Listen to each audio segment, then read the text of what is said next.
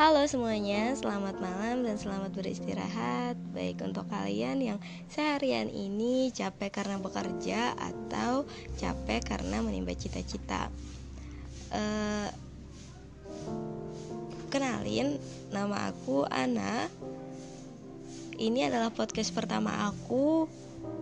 Maafin ya kalau di podcast pertama aku agak mengecewakan ini jujur ini pengalaman pertama aku untuk ngisi suara dia apa ya acara kayak gini gitu. Tapi mau buka pengalaman. Jadi di podcast ini aku bakal sharing-sharing aja pengalaman aku. Mungkin bisa bikin apa ya e, menurut aku sharing pengalaman itu kayak perlu gitu supaya orang-orang itu oh gini ternyata punya teman. Yang juga ngerasain perasaan kayak gini gitu sih menurut aku. Kali ini aku bakalan sharing tentang rasa insecure. Kayaknya nih ya uh, rasa insecure itu semakin meningkat di tahun 2020 ini Sumpah aku ngerasa banget insecure itu semakin bertingkat di tahun 2020 Sebelum-sebelumnya di tahun 2017, 18, 19 Kayaknya rasa insecure itu gak terlalu meningkat kayak gini deh. Kayak ketika penampilan kita biasa aja Ketika fashion kita biasa aja Ketika wajah kita gak good looking Ketika wajah kita banyak jerawat kita tetap biasa aja.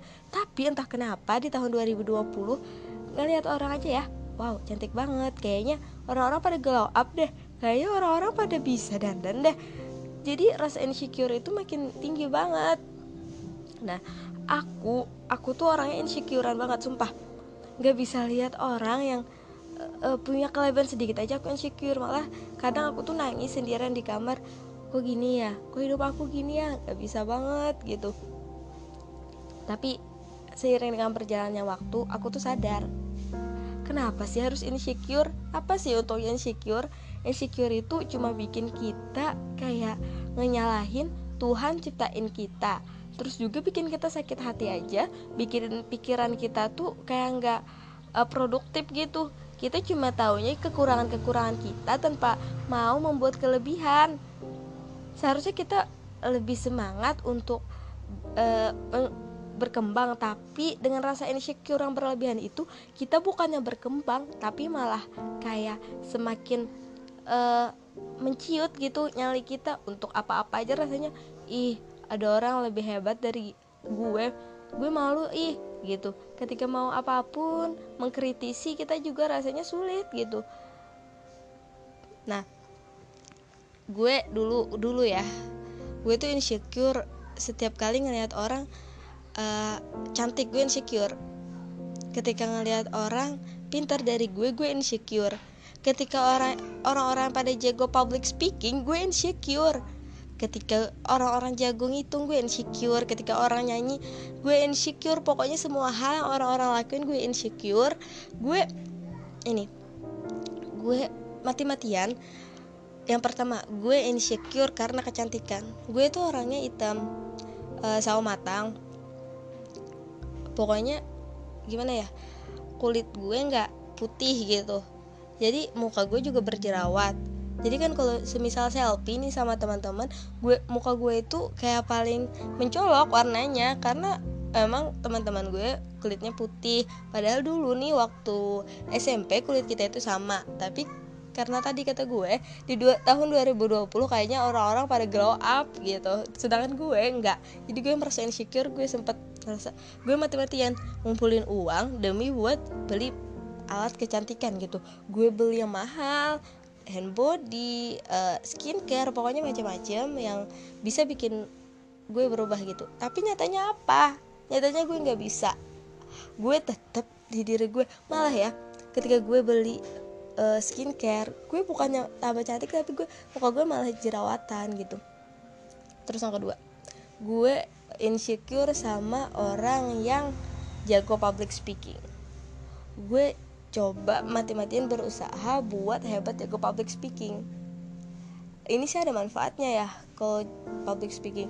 Gue belajar belajar belajar itu buat public speaking. Tapi mau gimana ya kalau kayaknya uh, untuk urusan public speaking yang untuk mengetahui wawasan luas gue nggak bisa gitu. Masih gue masih terlalu dini kayaknya.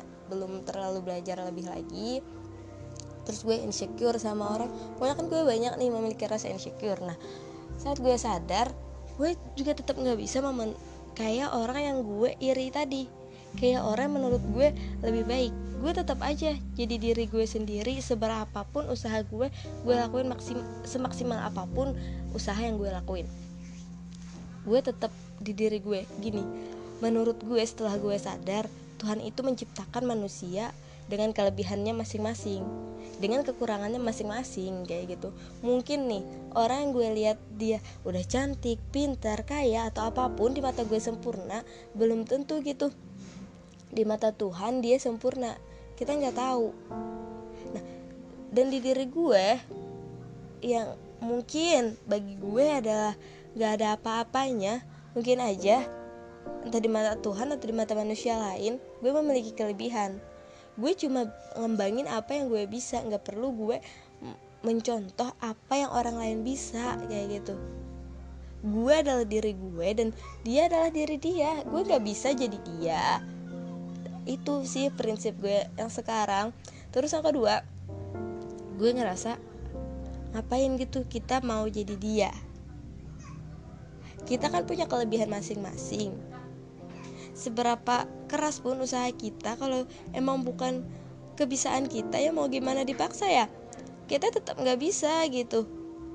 Ngapain insecure masalah kecantikan? Tuhan itu nggak mandang manusia dari cantiknya. Tuhan itu mandang manusia dari takwanya kepada Tuhan gitu. Gue nggak pernah gimana ya kalau sebenarnya definisi cantik itu adalah orang berkulit putih, tidak berjerawat, berbadan tinggi dan berbadan kurus, rasa-rasanya manusia di dunia ini semuanya pengen gitu. Tapi Tuhan ciptain manusia berbeda-beda. Ada yang matanya sipit, ada yang matanya lebar, ada yang badannya kurus, ada yang badannya gemuk, ada yang pendek, ada yang tinggi, ada yang hitam, ada yang putih. Itu tuh udah kayak takdir Tuhan. Tuhan ciptain manusia begini untuk saling melengkapi. Kalau nggak ada orang hitam nggak ada orang putih. Kalau misalnya semua orang ini putih pasti nggak ada label putih hitam. Terus kalau semuanya tinggi nggak ada orang pendek. Nggak ada label orang tinggi atau pendek gitu. Semuanya bakal sama rata. Gimana? Coba bedain. Bedain orang-orang.